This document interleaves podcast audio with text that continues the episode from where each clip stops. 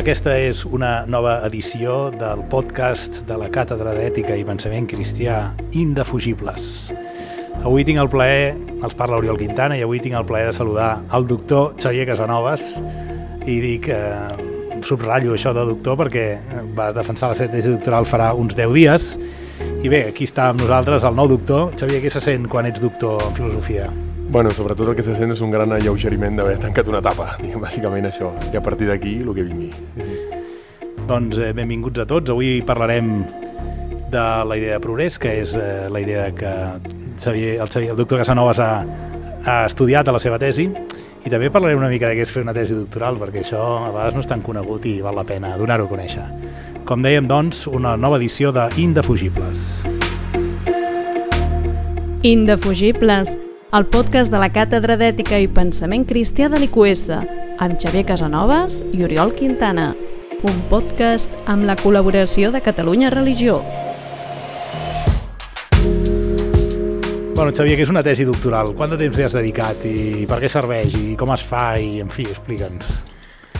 Bueno, doncs, um, aquesta tesi en concret ha durat 4 anys, en el meu cas, um, tot i que venia de, de, a la temàtica, venia d'un treball previ de final de màster i que per tant, i que per tant, um, bueno, per tant és, una, és un treball que ja havia començat prèviament, podem dir uns 6 anys de treball, diguéssim, per poder defensar una, una lectura pròpia d'una temàtica concreta. No? Clar, estem parlant d'una tesi doctoral de filosofia, el qual vol dir d'humanitats. Jo crec que, que cal tenir molt clar que són ben diferents les tesis doctorals en humanitats que, que una tesis eh, en ciència aplicada, podríem dir, no? o, o en un àmbit eh, científic més, eh, més dels habituals perquè, perquè normalment les tesis tenen doncs, una part eh, quantitativa molt important, no? de recopilació de dades, d'experiments, podríem dir, no?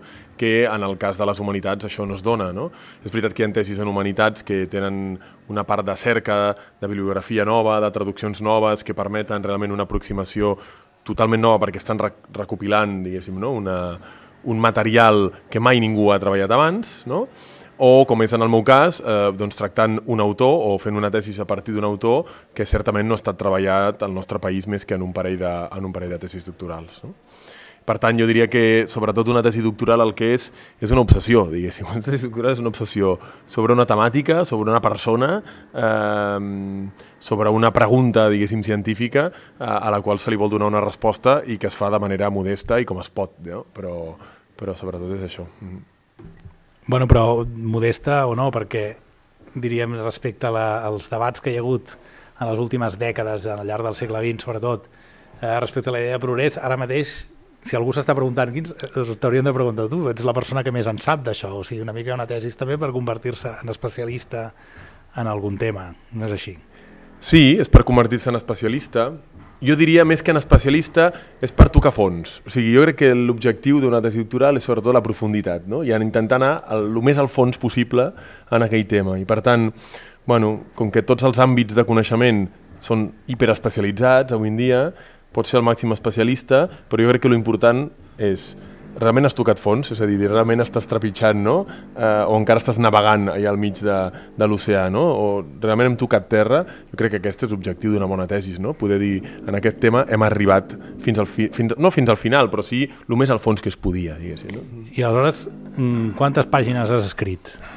Bueno, la meva tesi té 270 pàgines, bueno, no sé si s'ha de mesurar el número de pàgines, no, però que per fer-te una idea de, de la feina, clar, hi ha 270 pàgines, no sé, 30 pàgines les pots trigar anys en escriure-les, però 270 et dona una dimensió. Sense dibuixos, no? O sigui, a la tesi Sense no... dibuixos, ni cap esquema, només... ni cap mena de... No, no n'hi ha, hi ha dibuixos. Amb una Tot de lletres. I aleshores el dia de la defensa, la cosa com va? Va ser molt, molt llarga? Si és un examen molt dur o què passa? Que jo crec que la part, la part més dura d'una tesi és arribar a dipositar la tesi. Bueno, la part més dura d'una tesi jo crec que és enfocar bé, diguéssim, i entendre bé quin és el tema que tu estàs tractant, no? i saber com enfocar-lo.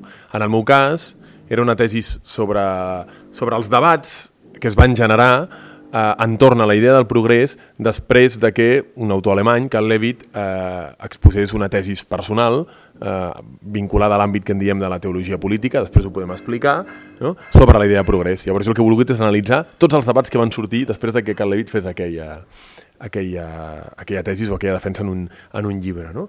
I, I per tant, però jo crec que el primer era això, entendre bé quin era el marc i l'àmbit i per tant no sortir-se d'aquest marc perquè és que és infinit, és que el treball que tu pots fer no s'acabaria mai i per tant acotar bé la temàtica d'una tesi jo crec que és el primer moment clau important. No?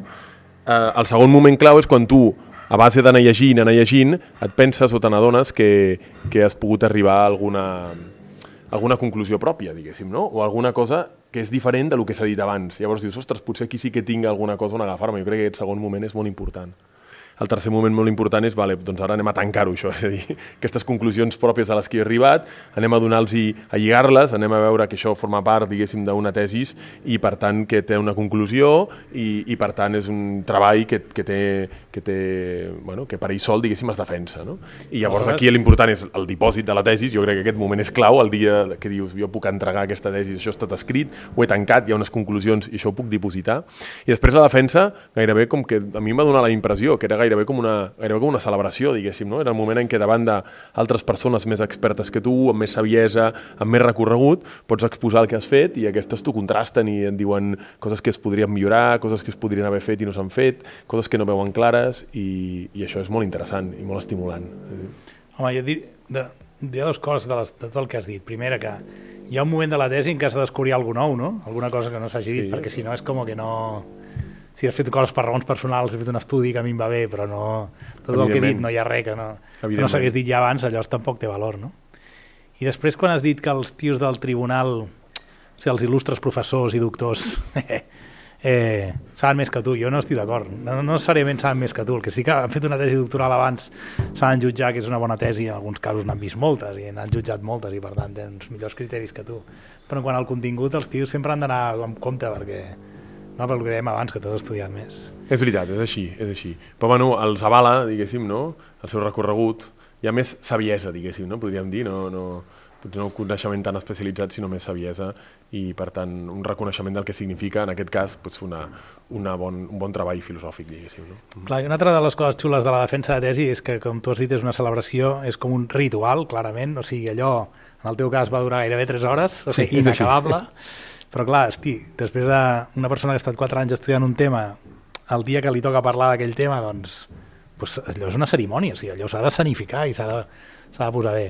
Aleshores, eh, per una persona, per un no iniciat, algú que no sigui un friqui o que no estigui en el món universitari, és, és que pot ser com qualsevol altra cerimònia. Si te la mires des de fora, dius, mare de Déu, tio, no es callen i a més ja no els, no els segueixo i fa hores que estan parlant. Però, clar, des de dintre té sentit. Des de dintre és, anem a celebrar eh, el, l'existència d'un nou doctor i tot el treball que s'ha fet, etc. Bueno, aleshores, total, el sentiment és bàsicament de lleugeriment, suposo, no? Bàsicament, bàsicament de lleugeriment, de la sensació de dir, bueno, hem arribat aquí, ja, ja hem superat, diguéssim, no? un cert Bueno, és com, jo crec que és com totes aquelles coses que demanen un esforç molt gran, que quan estàs ficat en l'esforç dius voldria que això ja s'acabés ja o passés, o... però quan te n'adones que ets capaç d'arribar fins al final, eh, dius, bueno, pues, una mica hem crescut, ens hem transformat. No? Jo crec que, igual que tota espècie de ritus iniciàtic, diguéssim, és com una certa transformació de la persona. I per tant és aquest alleugeriment de dir, vale, ja està, he sigut capaç de superar això, he sigut capaç d'arribar fins aquí, eh, m'avala el fet d'haver defensat la tesis i, i que l'hagi superat, i per tant ara eh, sé que ja bueno, doncs formo part, diguéssim, d'aquells altres que com jo han estat iniciats, diguéssim, no?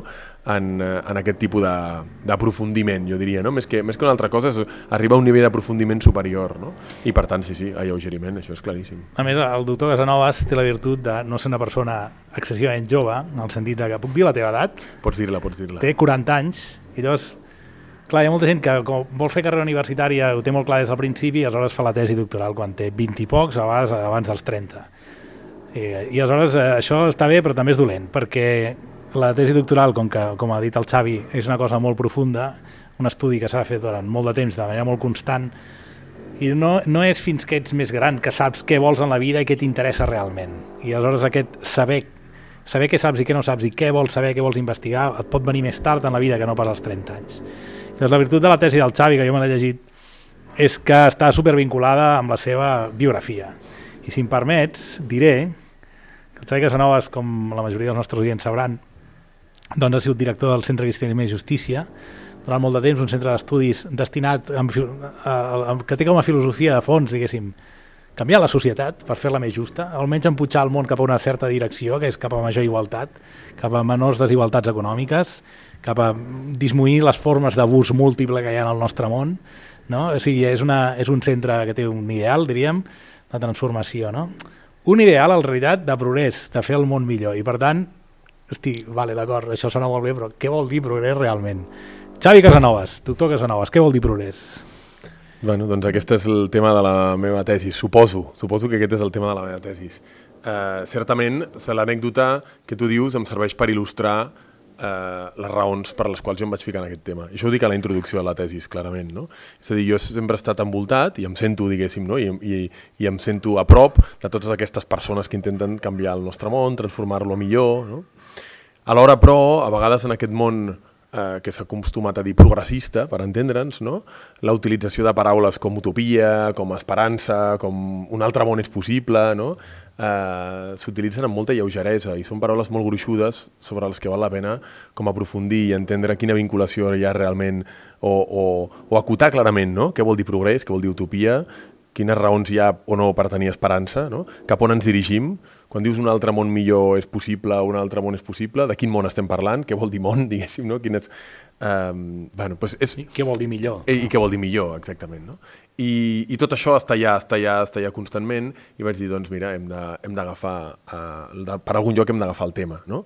I per on l'agafem? Perquè hi ha moltes maneres d'abordar això. Clar, o sigui, quan jo li he explicat a algun economista, jo és que faig el tema sobre la idea de progrés, no? el de tesi sobre la idea de progrés. Oh, que interessant, llavors el PIB i la... Zero. No hi ha, o sigui, en el meu treball no hi ha economia, diguéssim, no hi ha un plantejament del progrés com a creixement econòmic. Això no hi és, diguéssim. No? Tampoc hi és i gens ni mica, un plantejament de progrés com a benestar personal, felicitat, una miqueta més, però no és exactament això, o sigui, no estem parlant de quins elements fan que una societat, funcioni millor o funcioni pitjor, no? Um, jo vaig voler abordar el tema del progrés des d'una perspectiva molt concreta, que és des de la, des de la perspectiva teològica-política. Què vol dir això? No? Doncs aquí és on entra l'autor central, podríem dir, de la tesis, que és Cal Levit. Cal Levit afirma una cosa bastant forta, no? i és que ell diu que la idea de progrés neix al llarg de la història de les idees com un substitutiu, com una espècie de, uh, de, sí, de substitució de la idea cristiana anterior de providència. No? Què volia dir això? La història, abans, abans de la modernitat, per entendre'ns, per qui venia guiada? No? Per la voluntat de Déu. I per tant, allò que ens passa o ens deixa de passar, de què depèn? Pues depèn de si és voluntat o no és voluntat de Déu, i per tant depèn de la providència. No? La història, per, la, per tant, des d'una perspectiva cristiana, i així va ser pues, des de l'any zero, diguéssim, no? fins eh, més de mil anys, eh, era entesa la història com a voluntat de Déu. I per tant, eh, si un país fracassava o un país tenia molt d'èxit o un imperi com l'imperi romà tenia molt d'èxit i triomfava, es podia entendre com d'alguna manera eh, quelcom volgut, volgut per Déu. No? Clar, amb la història de, de, dels inicis de la raó, també del renaixement, d'una certa centralitat de l'ésser humà respecte de Déu, la idea de providència va quedant cada cop més esllanguida, va, va perdent força i va guanyant força una idea que és la idea de progrés. No?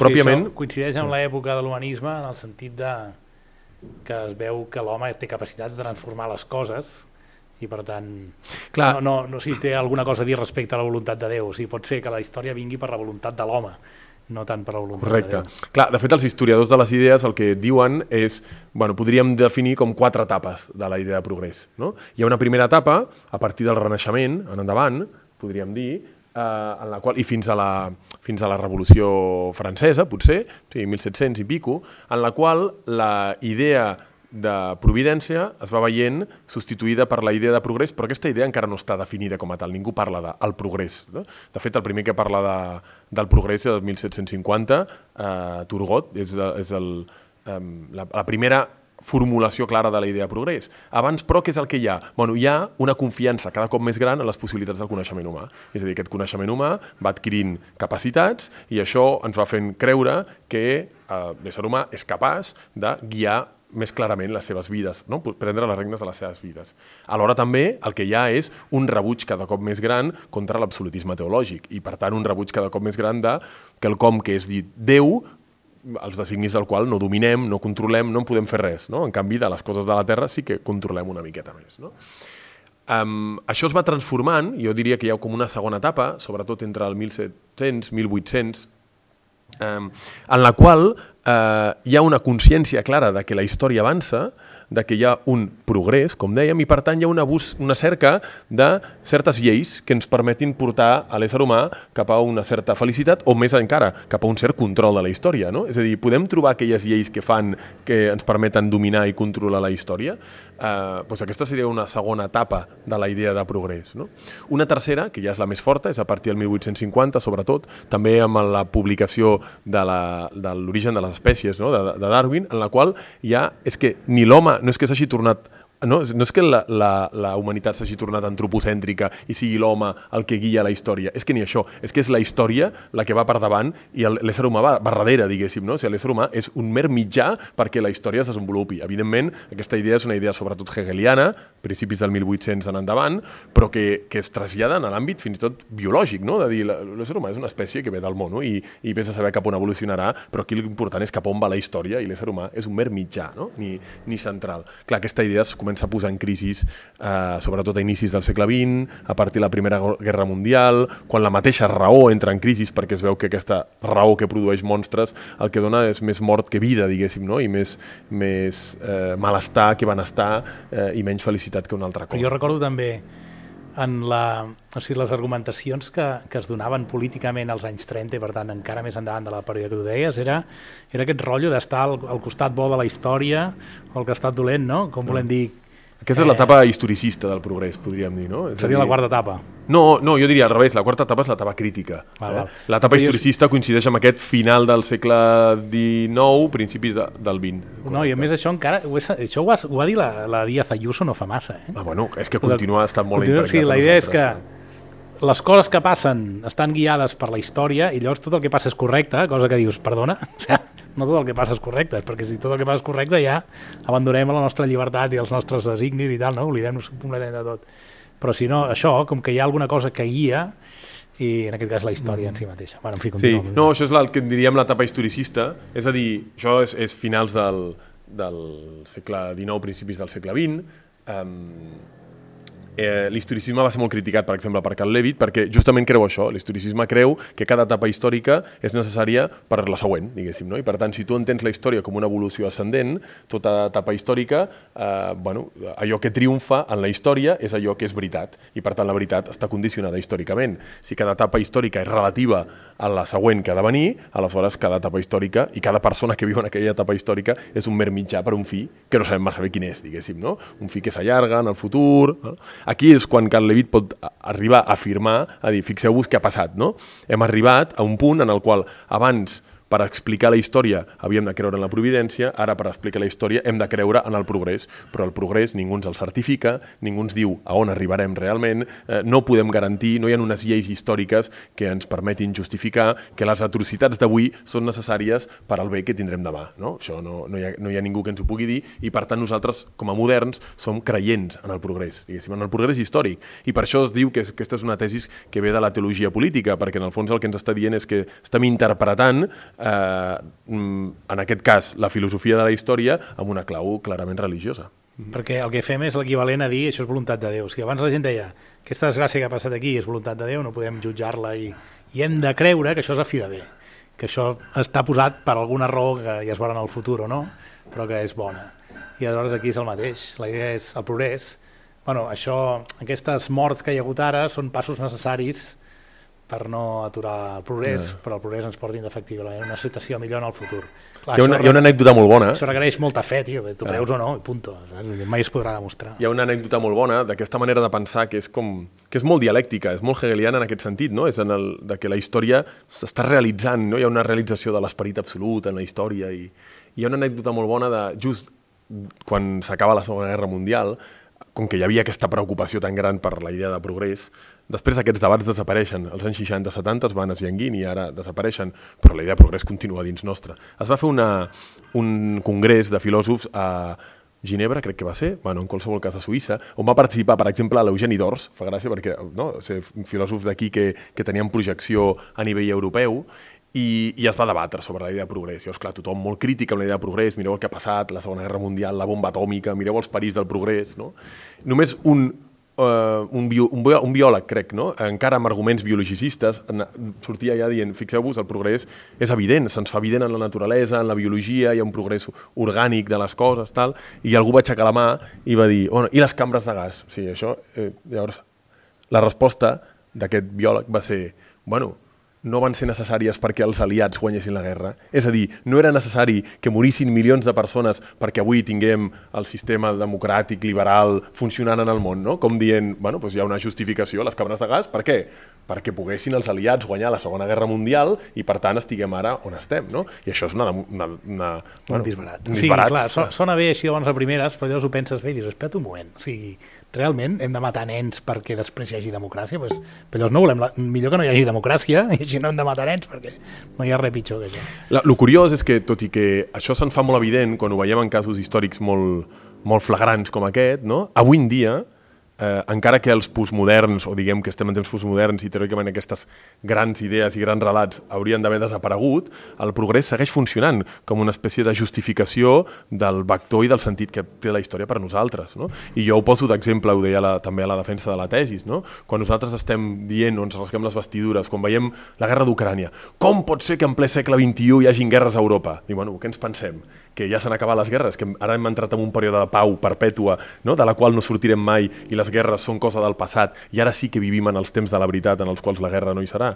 Bueno, potser que la guerra formi part d'una condició humana que és, no sé, no? Eh, que és despòtica, que, que, és, que, que destrossa el, el món i que, i, que, bueno, i que busca el poder de qualsevol dius... manera i per tant la guerra és encara possible al segle XXI, evidentment. evidentment. No? La, la frase com pot ser que això estigui passant en el segle XXI és una frase que denota en el fons una creença en el progrés. I nosaltres, habitants del segle XXI, som millors moralment que els que vivien fa 100 anys, fa 500 anys o fa 1.000 anys, no? quan és una cosa que no podem afirmar, diguéssim, de, si no és sota una, sota un paradigma de fe, diguéssim, no? sota una creença. No? I després també està viu la idea del progrés en...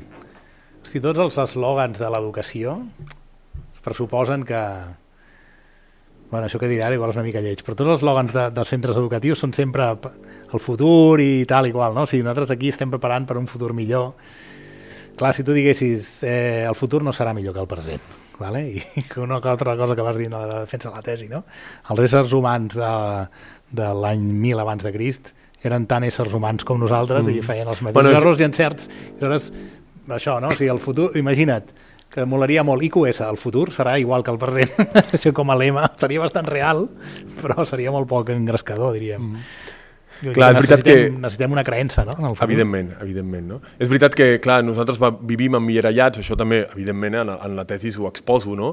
Uh, per al progrés científic i tecnològic. Jo no nego en cap moment que hi hagi progrés científic, progrés del coneixement. Cada cop sabem més coses. Dominem més la naturalesa gràcies a la tecnologia. Aquest progrés és real.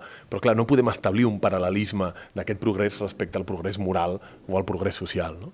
I és per això que Levitt cita Jacob Burckhardt, que és un historiador el cita constantment en diversos articles seus i diu aquesta frase que, que, que tu mencionaves ara, no? Diu, si l'home ja era capaç de donar la seva vida fa 2.000 anys pels altres, no? Diu, és que ja era complet llavors. És a dir, el màxim que podem aspirar d'una educació d'una persona que és que, que algú doni la vida per una altra, diguéssim, és el màxim d'humanitat possible. Pues això ja va passar fa 2.000 anys si Jesucristo. A la, a la figura de Jesucrist, si vols, en aquesta figura, o en tantes altres, diguéssim, no?, que ens ha donat la història. Per tant, depèn de l'educació, depèn de l'estadi històric en el que estiguem, el fet de que jo sigui tan humà, no?, tan extremadament humà, que sigui capaç de donar la meva vida pels altres, ni molt menys, diguéssim. Això ja era possible fa 2.000 anys. No? Per tant, és com que la humanitat no és quelcom que haguem d'assolir, és quelcom que ja està en nosaltres i d'alguna manera hem de descobrir, hem de treballar, però, però no és un estat històric, no? no és una, que... la civilització no és, un, no és un lloc on haguem d'arribar. Però si no? és que tu has mencionat el progrés tecnològic que és innegable, però a mi em dóna la gana ara de negar-lo, perquè jo crec que hi ha raons. És a dir, si el progrés tecnològic no serveix per fer progressar moralment a les persones, aleshores mm, mm quina utilitat té, no? Serveix per fer les coses de manera més eficient i més ràpida. Però, hòstia, perdó, si penses, o sigui, l'últim giny tecnològic que tenim és un, eh, unes, un sistema de notificacions al mòbil dels nostres alumnes que ens permet preseleccionar, gràcies a que ells ho han declarat, aquells temes d'interès que volen. Vale? I aleshores podem fer, mira, tal dia fem tal activitat i ja no ho enviem a tothom, sinó només a la gent que ja ha manifestat que podria estar interessada prèviament. No? bueno, doncs això és més eficient, més ràpid, no? Ara bé, això pressuposa que tothom té mòbil i pressuposa que hi ha satèl·lits al voltant de la Terra, diríem, I llavors dius, bueno, progrés tecnològic, sí, però no ha sigut eficient, eh? Vull dir, perquè cada aquest, un d'aquests mòbils val, què, 600 euros o por ahí? Quan val un, ficar un satèl·lit a la, a la lluna? O sigui, a vegades també parlem del progrés tecnològic com molt a lleugera i estic dient el mateix que els que van dir on anirem a parar quan la gent va posar, quan va haver-hi astronautes a la Lluna, que també encara s'ha demostrat la utilitat en termes morals o útils per la humanitat de coses com aquestes. Bueno, mm -hmm. Jo volia dir, perquè ja saps que som molt crític i si no dic aquestes coses rebento. Bueno, és interessant perquè justament Cal Levitt el que detecta eh, quan fa aquest anàlisi, que en el fons és una, una explicació d'on ve de la idea de progrés i, i d'entendre que la idea de progrés és una creença, és una fe i de fet de, té una dependència, diguéssim, de la idea de providència religiosa, però llavors diu, bueno, i llavors ara què fem amb el progrés, no? I, i sí, perquè Levitt... clar, molt fàcil criticar Xavi Casanovas, però, però difícil és proposar, proposar i donar alternatives, perquè clar, no hi ha progrés tecnològic, el progrés moral no existeix perquè hi ha humans plenament fa 2.000 anys què proposes com a alternativa a la idea de progrés? Uh, bueno, què, què proposo jo? No ho sé, què proposa Cal Levitt i els que van seguir els seus debats, diguéssim, no? Um, clar, per exemple, Cal Levitt té, jo crec que això és molt in, és interessant, no? Ell el que detecta és dir, el progrés l'hem d'entendre, és a dir, l'ésser humà, per estar en el món, eh, torno a començar, vale? a veure si sóc capaç d'en un minut dir-ho. Eh? Um, l'ésser humà és un ésser natural, ve de la naturalesa, som éssers que som, venim, de, venim de la naturalesa però té una capacitat molt característica i és l'únic ésser del món que té aquesta característica, que és que és capaç de separar-se de la naturalesa, mirar-la mirar de cara i enfrontar-se amb ella. És a dir, l'ésser humà té consciència de si, això li permet tenir consciència d'aquesta separació respecte al món natural i dominar-lo, domesticar-lo, treballar-lo, fer-ne no? Amb a través de la tecnologia, etc etc. Quan fa això, l'ésser humà crea un món, que és el món humà, diguéssim, no? separat del món natural. No? El que no ens n'adonem és que aquest món humà està intrínsecament vinculat i depenent del món natural. És a dir, el món humà no pot, no pot viure aïllat i donant completament eh, no? del, del món natural, perquè de fet l'ésser humà no pot viure sense el món natural, sense la Terra que li dona cabuda, és la seva casa. El planeta podria continuar sense nosaltres, nosaltres sense el planeta no, de cap de les maneres. No? Per tant, Levitt què diu? Diu, bueno, el que hauríem de fer és que l'ésser humà eh, torni a donar-se compte de la seva dimensió natural. Simple i únicament, diguéssim, d'això. Per què?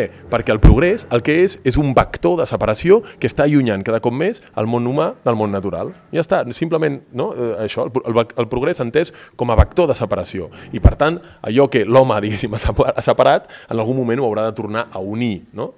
I això no és cap proposta, no sé com dir-ho, no? de tornem tots a les coves a viure, eh, no? allò tal, ni tampoc, eh, no sé, és una proposta espiritual de fer-nos un amb la naturalesa d'una manera, no? una cosa mística o espiritual, no? És, jo crec que és una proposta sobretot de consciència dels límits. O sigui, crec que marca clarament, diguéssim, no? on estan els límits d'allò que pot ser i allò que no pot ser, no? I a partir d'aquí ens permet entendre bé eh, que nosaltres com a éssers naturals som éssers totalment limitats per aquest món que ens dona cabuda. No?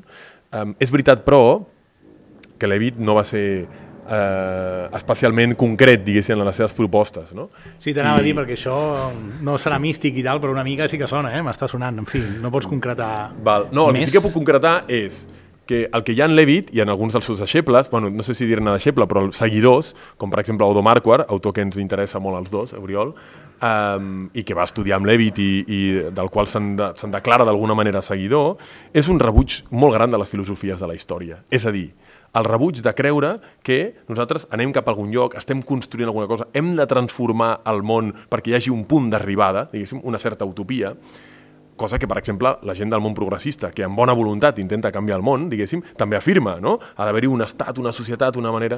Jo crec que clarament eh, hi ha moltes injustícies i moltes coses a canviar del nostre món, no? Però per mi la frase clau, i aquesta no és de Levitt, és d'Odo Marquardt, no? És dir, eh, la filosofia de la història s'ha preocupat per transformar el món i ara el que tocaria és cuidar-lo. Eh? Aquesta frase és una frase dita l'any 73. No? És com dir, el contrari del progrés no és regressió, no és tornar a les cavernes, no és anar enrere. El contrari del progrés és cura del món. És cura del món. I per tant, prendre cura dels que estan al teu voltant, prendre cura del teu món, de la teva casa, no? fins i tot dels que estan una mica més lluny, però no molt més lluny, perquè ja no formen part del teu entorn i, i molt no podràs fer per ells. No? Però a mi m'agrada molt aquesta idea, no? de dir, el contrari de progrés no és regressió, no és mirar enrere, no hi ha més veritat en el passat tampoc. Eh? O sigui, que això a vegades es pot confondre. Una crítica al progrés no vol dir que hi, hagi, hi havia més veritat en el passat. Què vol dir? Vol dir que, que el que vulgui transformar el món, el que vulgui canviar-los, bàsicament el que s'ha de dedicar és a cuidar-lo, diguéssim. No? I a vegades cuidar el món és contrari al progrés tecnològic i a... No? Sí, sí. En fi, doncs eh, arribem fins aquí, no? que ja portem una bona estona. A mi m'ha encantat la idea de- d'això, de, de cuidar el món. Em sembla que s'entén molt bé que una, el contrari de progressar és cuidar, no? perquè a vegades el progrés el que fa és destrossar més que una altra cosa. I en fi, cadascú sabrà què vol dir, no? en el seu cas, cuidar, cuidar el món. Doncs moltes gràcies, Xavier. Gràcies a tu, Oriol, i Doctors, els doctors Casanovas i Quintana s'acomiaden dels seus oients fins la propera edició de Indefugibles.